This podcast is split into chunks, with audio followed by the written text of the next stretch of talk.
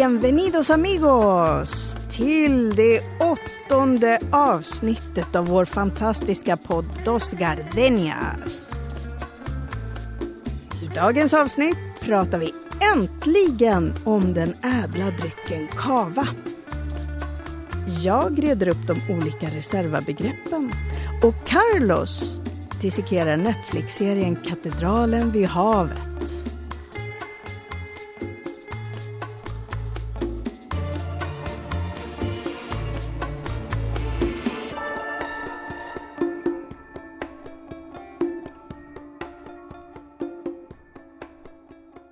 Välkomna till det åttonde avsnittet av den beroendeframkallande podden om livets nödvändigheter. Dos Gardenias. Dos Gardenias. Och idag ska gardeniorna eh, prata kava. Alltså, jag kan knappt hålla mig. Nej, Ett bubblande avsnitt för att slänga in alla klyschor. El dia de las burbujas. Ay, Dios mío, qué emoción más Burbujas para grande! todos. Woho!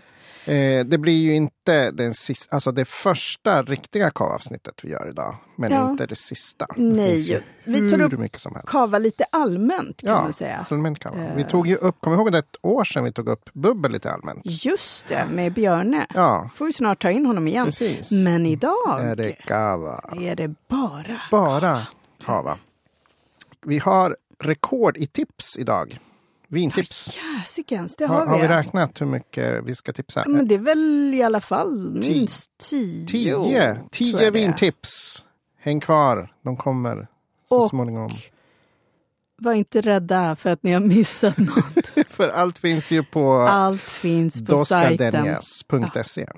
Och vi kommer ju lägga in alla vintips och allt vi pratar om i respektive avsnittslängd. Länkar till eh, restauranger, till barer, Ja. till filmer, Till böcker, allting. rubbet.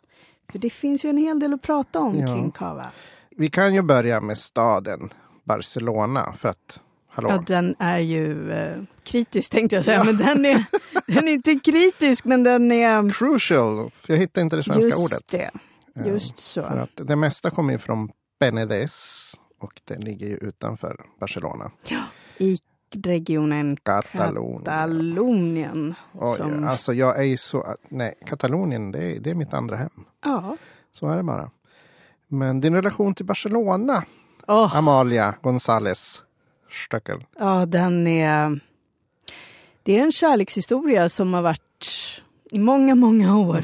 Sen jag, som, eh, sen jag var barn.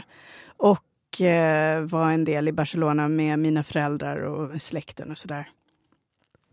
Och sen så är jag enorm. Jag är ju en så kallad kulle. Jag? Nej, inte kulo. Det är någonting helt annat. Kulle. Det är... Eh, jag är Barcelona-fan. Alltså, Jaha, fotboll. ja, jag det har jag ingen aning håller om. på laget. Du håller på laget. F, Fotboll. Zlatan var med i laget. FC Barcelona, just det. FC Barcelona. Ja, ja, nej, det började långt innan Ja. dess. Långt innan dess. Så att... Eh, Ja, fotboll är ju en stor del av stan. Det är en del som jag har valt att lägga åt sidan. Ja, det, det har jag jag. lite svårt Nej. att göra förstår du, För det är så väldigt mycket härliga, Ja. fina spelare. så Ja, de är så, så är det. det är så härligt att se. Ja, alltså den här stan. Jag tror att rekordet var sex, sju gånger på ett år. Jag ska slå det i år. Jag kom ju därifrån Ska du? nyss. Ja, Ja, det gör det ja. jag var där och hade vin, eh, naturvinsafari. Ja, och just det. Och det tar vi pratar ett helt sen. annat ja, avsnitt Don't mention också. the war. Naturviner. Vi, vi, vi skippar det nu. Mm. Eh, nej men oj, oj, Barcelona, nya restauranger varje vecka. Helt fantastiskt. Jag, jag vet inte vad jag ska säga. Men däremot så kan vi, många unga av idag förstår inte att Barcelona var typ eh, persona non grata för 20-12 år sedan. Mm. I, I stadsmässigt. Det var ju inte sunk, men det var väldigt kriminellt Det och var otäckt. ruffigt. Ruffigt. Det var ruffigt. Det var som Marseille. Ja, nedgånget och otäckt. Ja. Det- Vändningen kom ju 92. Ja, när man rustade upp stan inför OS. Barcelona, den kända låten med Ja, Montserrat, Montserrat. Caballé som gick bort för några år sedan. och Och, Freddie Mercury. ja, Ja, men efter det då, då fick stan en uppsving. Och för oss svenskar var det faktiskt en av min familj, så det är pappas premenning tror jag.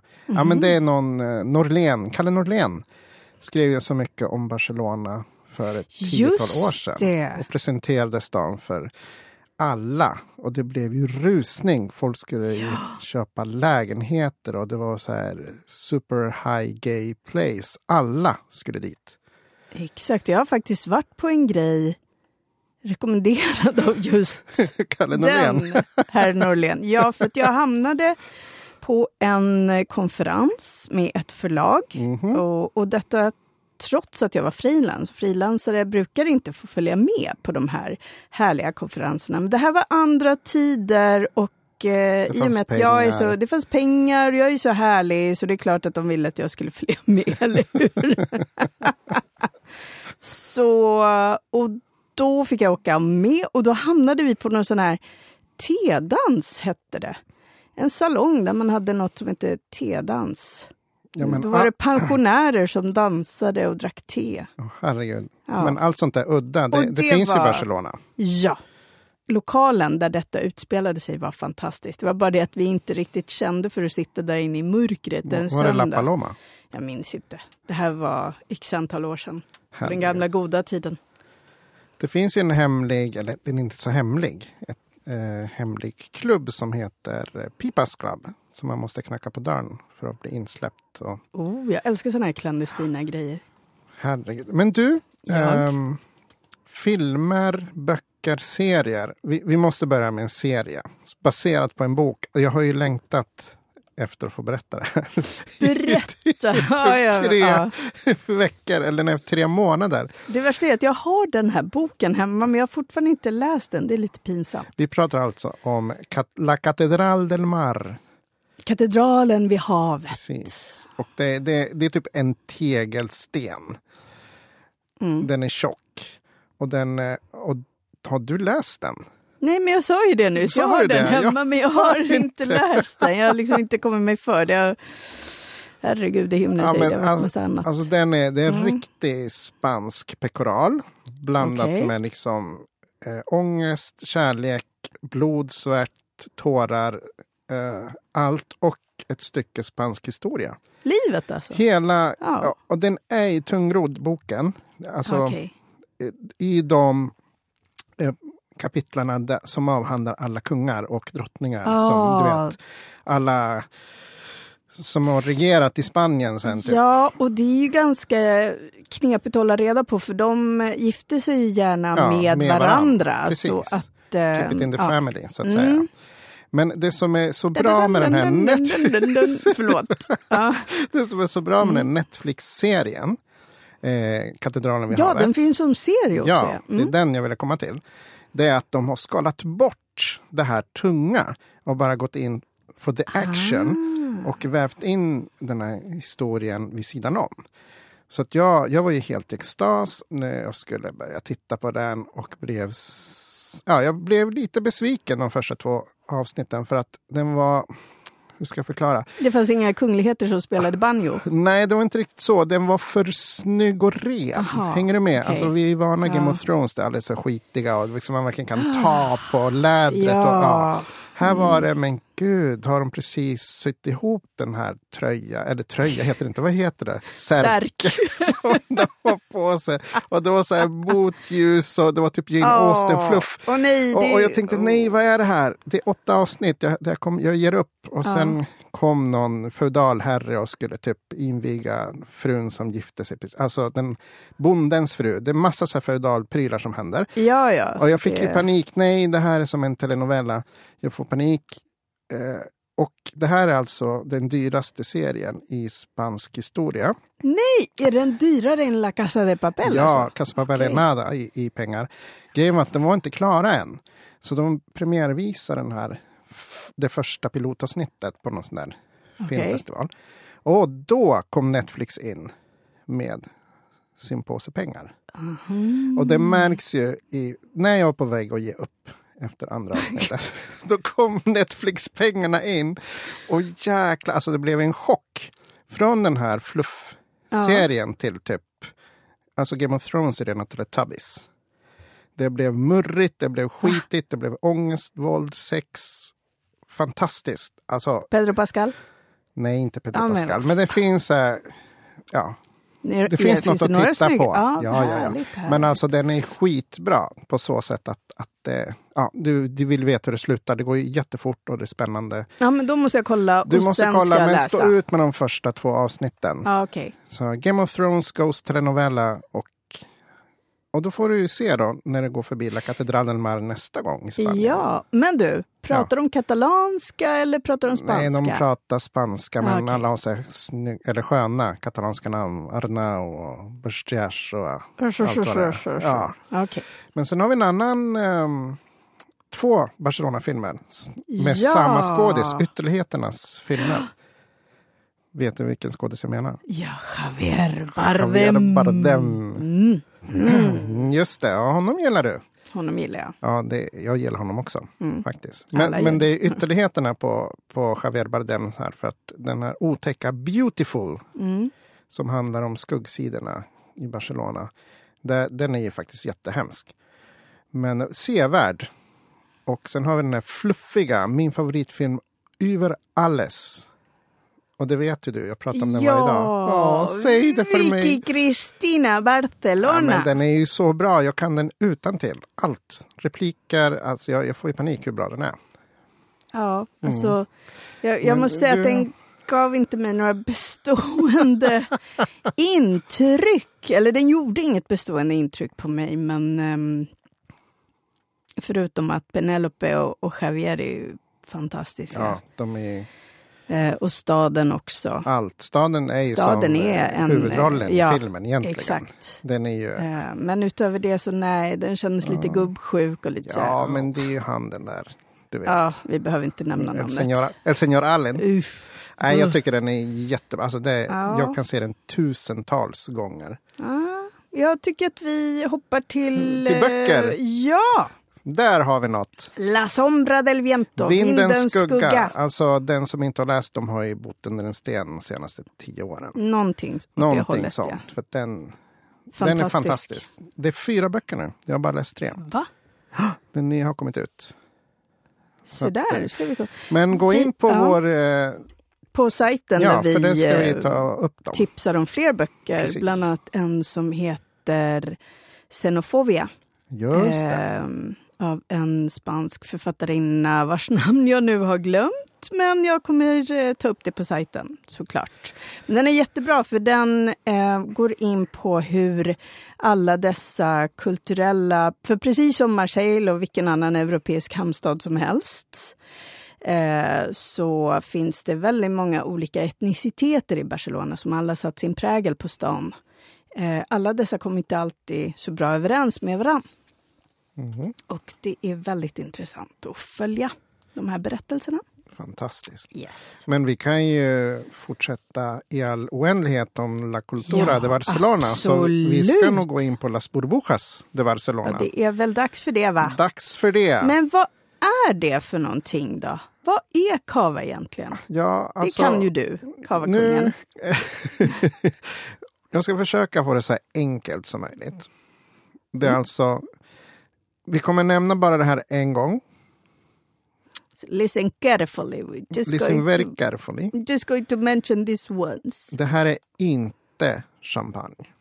Som många tror att det är. Utan det är alltså, den görs på samma sätt som champagne. Alltså man jäser vinet en tillgång i sin egen flaska. Den kallas för den traditionella metoden. Exakt så. Där bubblorna bildas av jäst och tjosan hejsan. Och det kommer vi att eh, förklara lite, lite längre fram. För jag har ju varit och besökt ett av mina favoritvinhus i Barcelona. Juve Camps. Och där träffade jag deras exportchef Viktor som förklarade för mig lite snabbt faktiskt och pedagogiskt hur det går till. Och du har också hälsat på några trevligt kavahus. Ja, jag var hos Paris Balta förra året när du fick ångest för att du Jaha. kände ju alla som var med på Och resan och, så, och du var inte med och så fylldes flödet av massa Ångest fick jag. kava Men det tog jag igen när jag var på Juve. Exakt, du ser. Men, Eh. men den här traditionella metoden, Amalia, Ja, experten, tell me. För, för det är olika lagringstider som bestämmer hur, hur kavan, eller hur kavan ska heta, eller hur? ja. En, den vanliga kavan eh, som det bara står kava på Ja. och så producentens namn och så.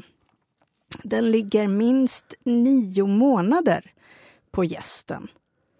Det är alltså efter att, att eh, man har buteljerat. Efter att man har buteljerat den så ligger den nio månader på gästen. Sen degorgerar man. Och det innebär att man eh, fryser. För under tiden som kavan, under de här nio månaderna som den ligger på, mm, eh, på gästen, så vrider man på flaskorna varje dag. Det kan man göra antingen manuellt eller eh, maskinellt. Eh, till slut så kommer flaskan ha gått från eh, horisontellt läge till vertikalt. Och då har allt jäst samlats i flaskhalsen. Så då fryser man ner den, eh, tar bort den, avlägsnar isen med jästen. Och sen så toppar man på med lite vin och ibland socker. Och det är det som bestämmer, eh, eller det är då man bestämmer hur söt den här kavan ska vara.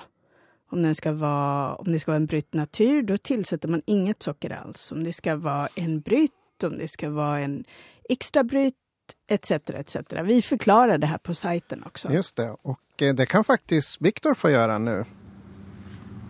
Yeah, so we receive the grapes in the winery, and then we just crush the grapes, and we pass the grapes to the presses, but we don't press. We just made uh, so we just starting turning the presses in order to get the free run juice. That is the best juice, the one that you get without pressing. And then we just pass the juice that we get to the stainless steel tanks. We, we make the, the fermentation. We are adding selected yeast and uh, maximum temp- control temperature at 18 degrees. And then we start the fermentation. We use selected yeast in order not to, so a more reliable yeast in order not to, to get the fermentation stop, no? And then after, once we have the wine, we start passing the wine from one, from several uh, tanks in order to, to clean the wine, eh? to clean the wine and to make all the solid parts to go down. And at the end, we make a, a small, a short filtration through, uh, it's called the earth, like the tomeas, no? Uh, so we are not using any kind of uh, derivatives from eggs or fish or animal or anything. So it's just a very natural process. And then from there, we uh, bring or we store the wines in concrete tanks.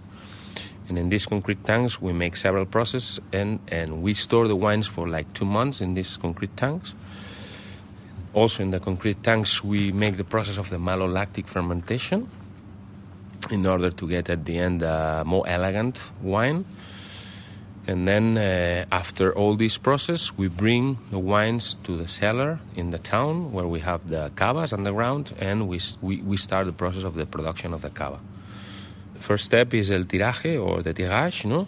Is when we bottle it, the, the base wine that we bring from the cellar. Uh, we are adding uh, yeast, we are adding some sugar. This sugar is coming from the grapes, it's not normal sugar. And then we close the bottle with a, metallic cap. And we bring the bottles through all the floors. We look for an empty space. And then, second step is the racking. So we rack the bottles in order to, to process, to, to, to carry on with the second fermentation and the aging. And uh, then, uh, once the bottles are in the racks, uh, horizontally, uh, in the first eight, nine weeks, the second fermentation is done. Uh, and uh, after the second fermentation is done, there is so all the sugar has been converted into alcohol, so we get two more alcoholic degrees. And then uh, there is no more sugar, so the yeast dies, and then we start the aging, what we call the aging on the lees. On the lees, so that means with the dead yeast. that is very important in the process of the production of cava because uh, after several time in contact with the lees, you, you get this process called the autolysis, no? the long contact with the lees. And, uh, and after several years, we go to step number three.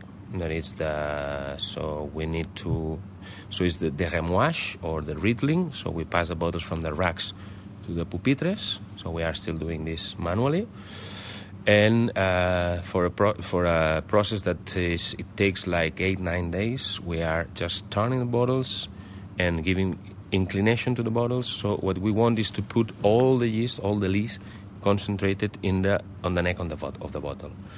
And then after these eight nine days we bring the bottles uh, to number to step number four. So this would be the degorgement. So how we take out the lees of the bottle and then this is done by a by a it's done by a machine. So what we make is the is a is a process that we are uh, freezing the neck of the bottle. So we are putting the bottles upside down. We are passing it through a system that is freezing the the neck of the bottle in order to get a piece of ice inside of the bottle and to concentrate the least in this piece of ice. And then uh, another section of the of the line is just uh, putting the bottles in a normal position we are opening the bottles, so we are doing the degorgement, and then we are taking out the ice and the yeast and everything. So cava is completely clean, but we need to refill the bottle because we have lost some cava in this process. When we refill the bottle is when we decide if the cava is going to be more or less dry. Um, and then the, so if we add just cava of the same kind, this would be Brut Nature. If we apart from cava of the same kind, we add some sugar, depending on the grams of sugar per liter. Uh, this is a um, this is a range that it's been established by the appellation of cava. But depending on the gram uh, of the grams of sugar per liter, then will be like Brut, demi sec, and different categories. and then once the bottle is refilled, we just close the bottle with a cork. We add the, the closure, no? And then we still store the bottles uh, for like three, four weeks in the cellar before we start putting the labels and everything. Uh, and then, yeah, and then at the end we just put the labels, cases, and that's it. Yeah. So from the harvest to the stores is three years. From the harvest to the stores in our winery is normally uh, around four years. Four years. Yeah, four years. The, the average time for our bottles. We have bottles with more time, some with a little bit less, but normally it's three, four years that we need the, the bottles to be in the shop. Ah, jag älskar den här eh, English Spanish. Alltså, Ja, jag vill ju tillbaka nu Ja. till Spanien. Eller Spanien, åh, Katalonien. Ja, nu ska jag besinna mig. Jag har lite frågor dock till dig Okej. i lugn och ro. Eh, för han pratar om att efter att de hade pressat Mhm. så la- lagrades vinet ett tag, eller the juice som man sa, eh, i, i concrete, vad heter det på svenska? Ståltank. Nej, concrete är inte Det är stål. betong. Betong, ja. el betongo. ja, men då lagras vinet i en betongtank. Och där pratar han om någonting som heter malolaktisk jäsning. Och Mm. det vill jag veta mer för att nu har jag nu måste jag sluta nicka när folk säger malolaktisk. På proven jag bara yes I know. Men I don't know. Den malolaktiska jäsningen är väl egentligen ingen jäsning utan det är mer en utveckling eh, när äppelsyran, fruktsyran i vinet, det som vi uppfattar som väldigt skarpt, kanske lite syrligt. Mm. När det omvandlas till mjölksyra och istället blir liksom lite fylligt, lite gräddigt. Eh, då, det är det som är den malolaktiska jäsningen. Ja, så det är det som händer. Och sen går vi över till, till själva lagringen som jag har lite frågor till dig om det. Men, Mm. men innan, alltså på riktigt, det var så coolt att vara där. För att de här flaskorna ligger i flera våningar under Mm. jord, under staden. Helt galet. Och det har vi ju bilder på och med att jag var där och tog en massa kort i höstas. Gå in på sajten, där finns det bilder och reseberättelser. Ja. Både från Juve och från Paris Balta. Exakt. Så gå in och, och känn suget ner till Katalonien. Precis. Men i alla fall, nu ligger de där. I, Minst nio månader. Precis, en vanlig kava. och sen eh, kan de ligga, eller ska de ligga, minst 15 månader om en kava vill kalla sig för reserva. Aha. Och det här gör ganska mycket. Eh, det är många som, som låter sina reservor ligga längre än 15 månader. Blir på det Grand. Reserva då? Eh, ja, för att få kalla sig Grand Reserva så måste den ligga minst 30 månader. Men många låter det dem ligga det, längre. Det, det var det han sa, för det tar ungefär ja, tre till fyra år från det man skördar till, Mm. till kavan kommer ut till Precis. affärerna. Att. För att den, eh, ju längre tid den ligger på sin gästfällning, desto mer komplexa toner kommer gästen att ge vinet. Så, och det är, oj oj oj, alltså en Grand Reserva. Jag ser ögonen Jag nu. blir helt, ja nej men, wow. Gud så gott. Ja. Men du, Mm. druvorna till, till, till kava. Ja, Jag har faktiskt lärt mig dem utan till nu, tack och lov. Sådär, jag var ja. tvungen. Som, eh, som Pavlovs hund. Tittade Ja. på äh, Macbeo, Charelot, Parriada. Nu vet jag inte om det katalanska uttalet riktigt, men Ja. jag tror det är Charelot. Charel. Eh, Macbeo eller något sånt där. Parriada. Men det är de tre, men det de finns flera. Va? tre traditionella. Eh, totalt är det nio stycken Jäklar. druvor som är tillåtna. Utöver de tre traditionella så är det Malvasia, Trepat, Monastrell och Garnacha. Min gren- favorit. Grenache som du brukar säga. Uh, garnacha, garnacha. Ehm, och sen så har vi de här eh, internationella druvorna också. Chardonnay och Pinot Noir faktiskt. Exakt. Och traditionellt så har ju kavan varit en blend med en tredjedel var av de här Macabeo, Charelot och Parellada.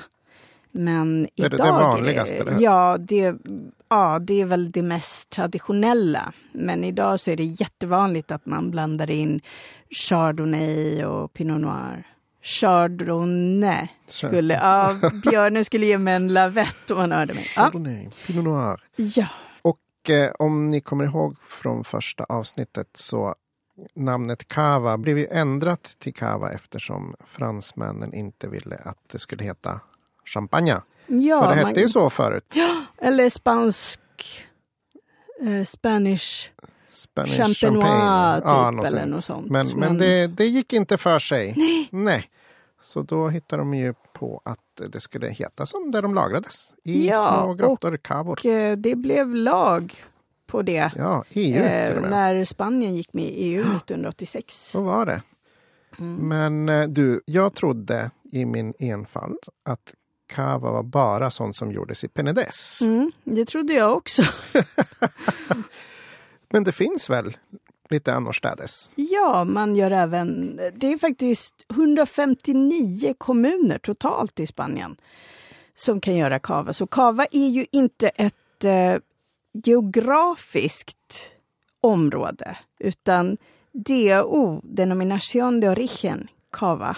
Stilen, samma Stilen, fråga varje gång. Exakt. Allt det är, eh, vad heter det, det finns, eh, man gör cava även i Rioja till exempel, Mm. Navarra, Badajoz. Så att det är en ursprungsbeteckning som inte är låst till ett läge. Just det. Men hur mycket görs i Penedès egentligen? För man har ju bara talat om Penedès. 95 procent. Åh jäklar, det är ändå Ja. ganska mycket. Ja. Men de här, man hör ju så mycket om vintage cava och allt det här. Kan man Mm. lagra cavan mer än, om man, man köper, det finns ju någon vintage cava, alltså sånt som Mm. alltid smakar likadant Och- och så finns det, Nej, vintagekavor smakar inte alltid Nej, nej, jag likadant. menar, det är alltså, huskavor. Vad pratar jag om, sa vanliga- jag fel? Ja, vintage, vi sa någon vintage. vintage ska det vara. Jaha, non-vintage. Ja, precis. Non-vintage. Ja, okej. Uff, Jag blev lite rädd där. Mm. Ja, jag blev också rädd när du tillrättavisade mig med Mm. de mörka ögonen, spetsa. Någon vintage smakar likadant. Ja, exakt. Vintagekavor, de kan man eh, ha kvar dem ett tag. Ja, Som, som de där franska varianterna om du förstår vad jag ja menar. exakt så. Alltså, köper ni vanliga kavor som det bara står kava och producentnamnet på. Eh, glöm inte bort dem. Alltså lägg inte undan dem och tänk att oh, det här blir jättebra om tio år. Mm. Det är nämligen viner som är gjorda att konsumeras väldigt unga. Så att eh, lägg inte, lagra inte vanliga kavor. Däremot om ni köper en reserva, en Gran Reserva eller en Cava de Paraje, Oj, det var ett tjusigt ord. är kava från det bästa läget, betyder det. Eh, Då har de här vinerna potential liksom, att kunna lagras och bli ännu bättre. Eller i alla fall inte smaka sämre. eh, om man sparar dem x antal år. Yes. Oj, oj, oj. Alltså, vintipsen. Nu, Ja, nu måste vi räcker komma- det med snackalisnack och snackalisnack. Om Ja. inte folk har somnat så Nej. väntar de bara. Nej, ingen somnar till oss. Då Herregud. får vi poppa upp lite korkar. Ja, precis. Eh, jag vet inte hur vi ska börja. Vilken vill du börja Eh, med? jag tror jag vill börja med... jag har ju en som jag... Jag, ska, jag lever och dör för många, men, men den här är en tradition för mig. Och det är nu, alltså familjen, familjen Cordonio, som de Cordonio, heter. Cordonio. Eh, Det ska vi ta upp längre fram, för att det är han... Det är de Ja, som tog in Kava, eller Kavans Kava kung, nej inte Kava, Pappa kan man Kavans säga. pappa, Kavans urfadern. urfader, Josep Raventos. Precis, 1800-talet någonstans. Men, men det, det sparar vi. Men i Ja. alla fall, nutid gäller nu. Och de har en kava som heter helt enkelt Ecologica. Från Codornio alltså? Ja, Men nu ska vi, alltså nu har vi ju inte ett bord längre för att tydligen är den här studion gjort efter alla akustiska regler. Så jag måste böja mig ner här. Carlos gräver bland flaskorna. Så, nu är jag tillbaka. Nu har jag min lista.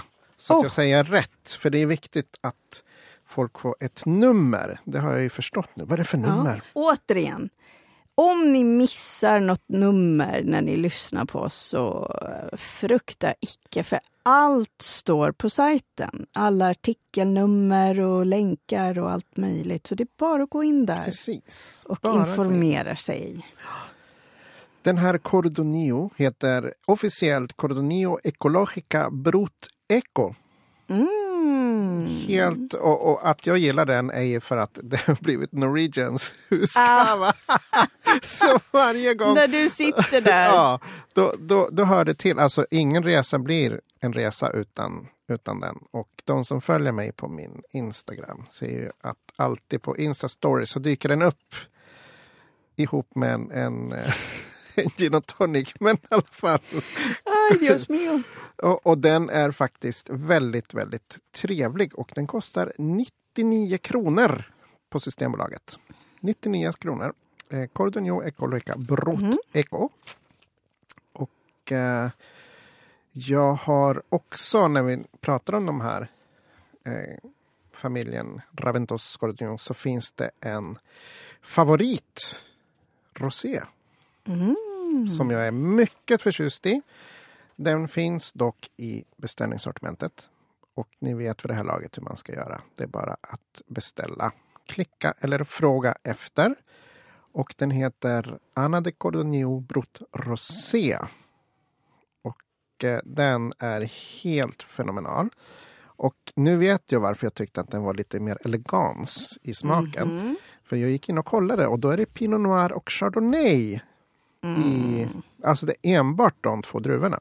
Ah, ingen annan? Nej, ingen annan. Okej. För, för Ecologican den var gjord på, på the traditional. Ja, eh, De här tre men det här är alltså en... Det här är alltså enbart Pinot Noir och Chardonnay. 70 Pinot Noir till och med. Ah, Pinot Noir. Gud vad kul för att eh, Codornio har ju eh, Spaniens största odling av Pinot Noir. Faktiskt. Minsann. Mm. Och jag vet att du gillar Pinot Noir. Mm, det gör jag. Very nice. Nej men den här är ju galen. Och jag kan ju avslöja att eh, min bästis Mm. gifte sig i sommar och hon hade detta som välkomstdrink. Oh. Uppskattades av alla, även de som inte ens kan skilja på sockerdricka och... Nej men alltså alla. Ja. Det fanns några vinsnobbar där som bara, oh vad är det här?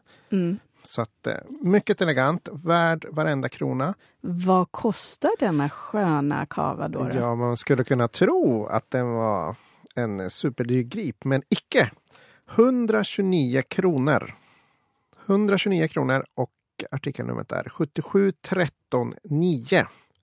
Men eh, du, det är någon som du har också provat från de här. Från samma vinhus. ja, från samma vingård. och faktiskt med eh, samma druva, eller i alla fall Pinot Noir. Ja, det, men Eh, vänta nu. den- Är det mm. Blanc de Noir? Ja, Ja, en jag har lärt mig någonting i alla fall. Om det bara är Pinot Noir. Exakt. Eh, då, och man gör ett eh, vitt vin av en blå druva, eller svart då.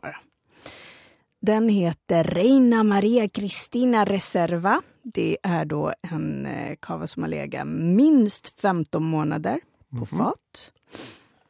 Och den är uppkallad, eh, eller vad säger jag? Den har inte legat 15 månader på fat, den har legat 15 månader på sin gästfällning. Förlåt, förlåt. Eh, och den är uppkallad efter eh, Reina Maria Cristina av Österrike, Oj, eh, alltså drottning var hon. Hon var gift med kung Alfons den sjunde av Spanien. Och eh, eh, om man ser till dagens spa, eh, spanska re, regent, alltså Felipe den sjätte, eh, så var Maria Cristina hans farfars farmor. farfars farmor. Mm. Och eh, vinet skapades för att hylla henne för att hon gav Codornillo det kunglig hovleverantörsstatus. När var det här nu då? 1897. Oj jäklar. Mm. Det var inte många år efter att de startade egentligen. Nej. Bra jobbat. Så det var väldigt, väldigt fint. Eh, det här är en fantastisk kava. Det här är ju sånt som jag kan dricka som Ja, vatten. alltså du bara lyser. Visst är Ja. den där flaskan som, Den som är är... lite speciell. Den Ja. är liksom lite um, baktung kan man säga. Shit, jag måste ju prova den. 169 kronor Mhm. kostar den. Eh, artikelnummer 254 0014. Oj, oj, oj. Men nu kommer två av mina ultrasuperbudgetar. Alltså på Okej. riktigt, det är, de, det är de jag dricker som vatten. Alltså det är solnedgångskavor här. Åh, Vi, vi snackar solnedgång. ja. Eh, umgänge, kärlek, Ibiza. Ibiza, Barcelona, Valencia, wherever you want to be. Nej men alltså det här, de finns stackade hemma. De kommer ner som... Berätta, berätta, berätta. Ja, berätta. Alltså jag, jag, okej. Det är en som heter Federico Paternina Banda Azul.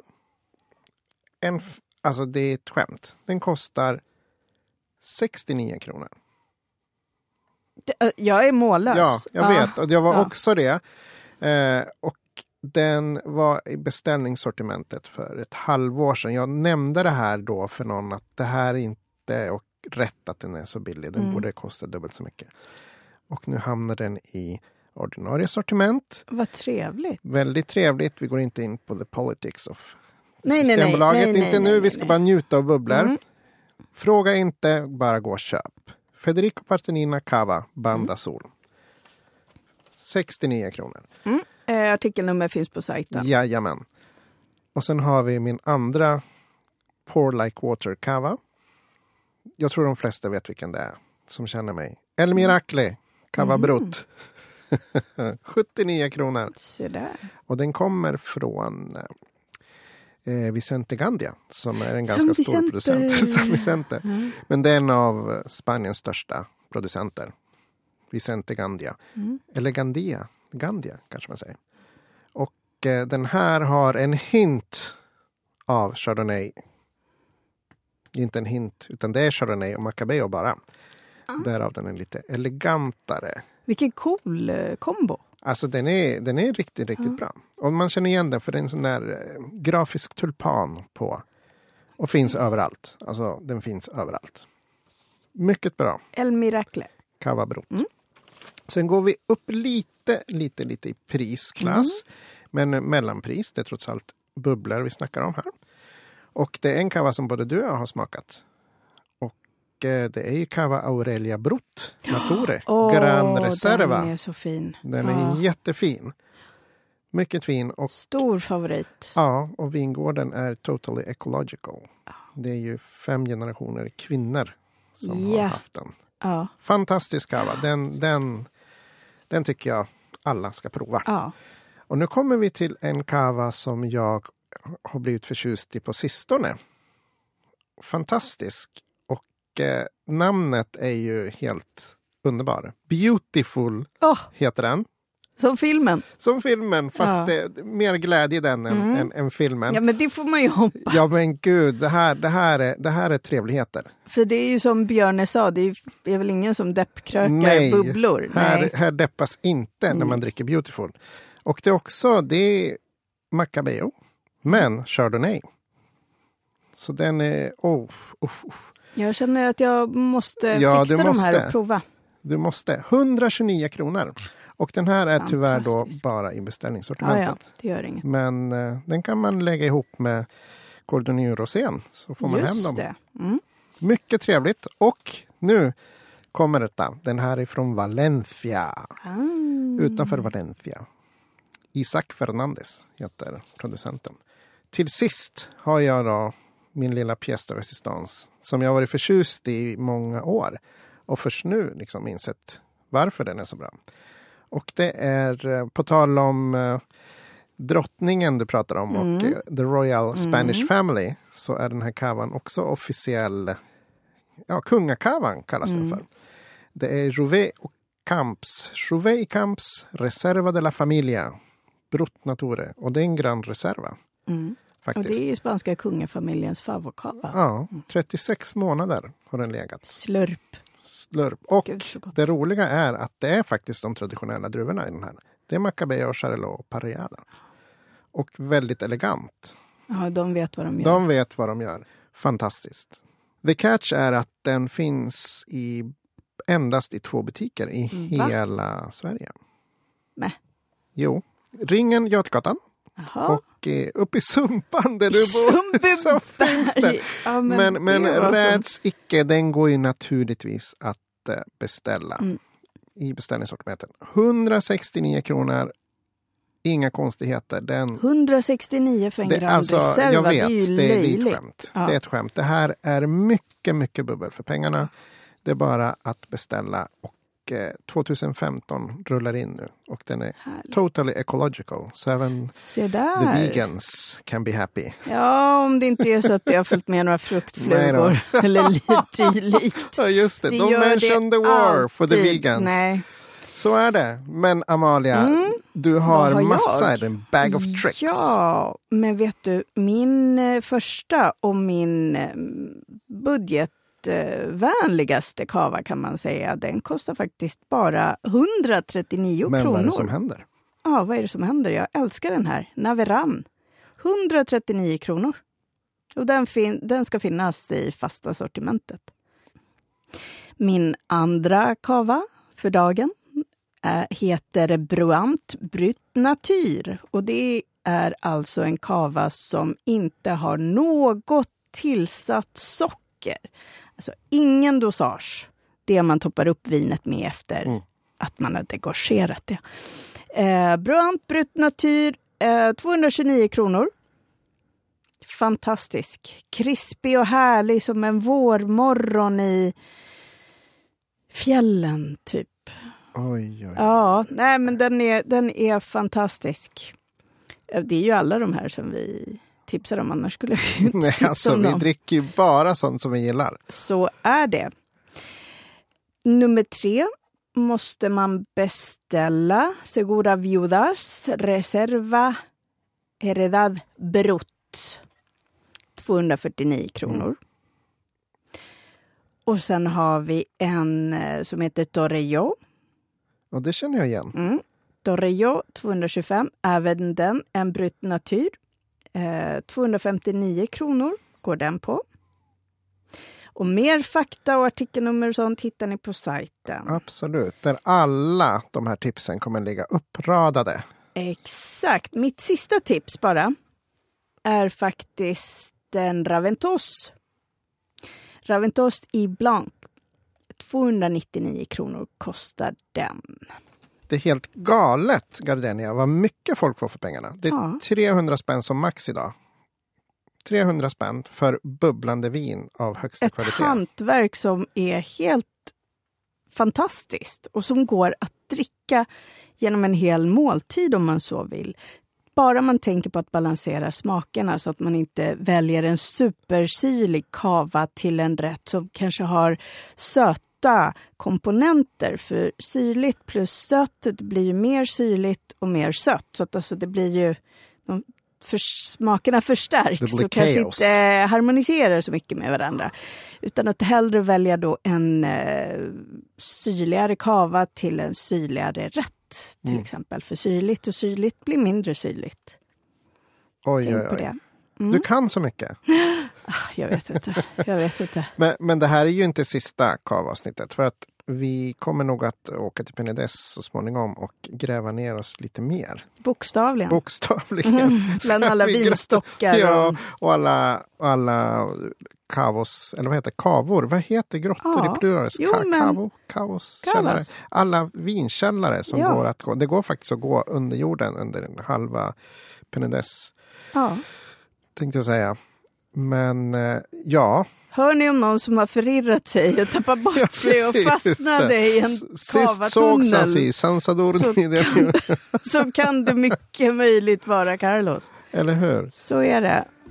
Nästa avsnitt då, Carlos? Oj, då är jag, jag är nervös redan nu. Nej, det Jo, ska vi ska vara. tillbaka till La France och Ja. jag har typ som, åh, jag blir uttalet och så är det så Äh, mycket ja, jag kom- region, jag får ja. panik. Men samtidigt längtar jag ju för att eh, Det kommer bli fantastiskt Ja. skoj. Vi kommer att koncentrera oss på en del av södra Frankrike. mm, Mm. eller syd, eller Ja, ja. det... Syd de France heter det väl? Ja. Så, hoppas jag sa rätt. får- Ja, vi kommer bli så ihjälslagna av baguetter nästa gång. Alltså, så att, à bientôt mes amis, säger vi. Ja. Och tack för idag. Adeu Adios. som man säger i. Katalonien. Adeu Just säger de. adeu. Salud.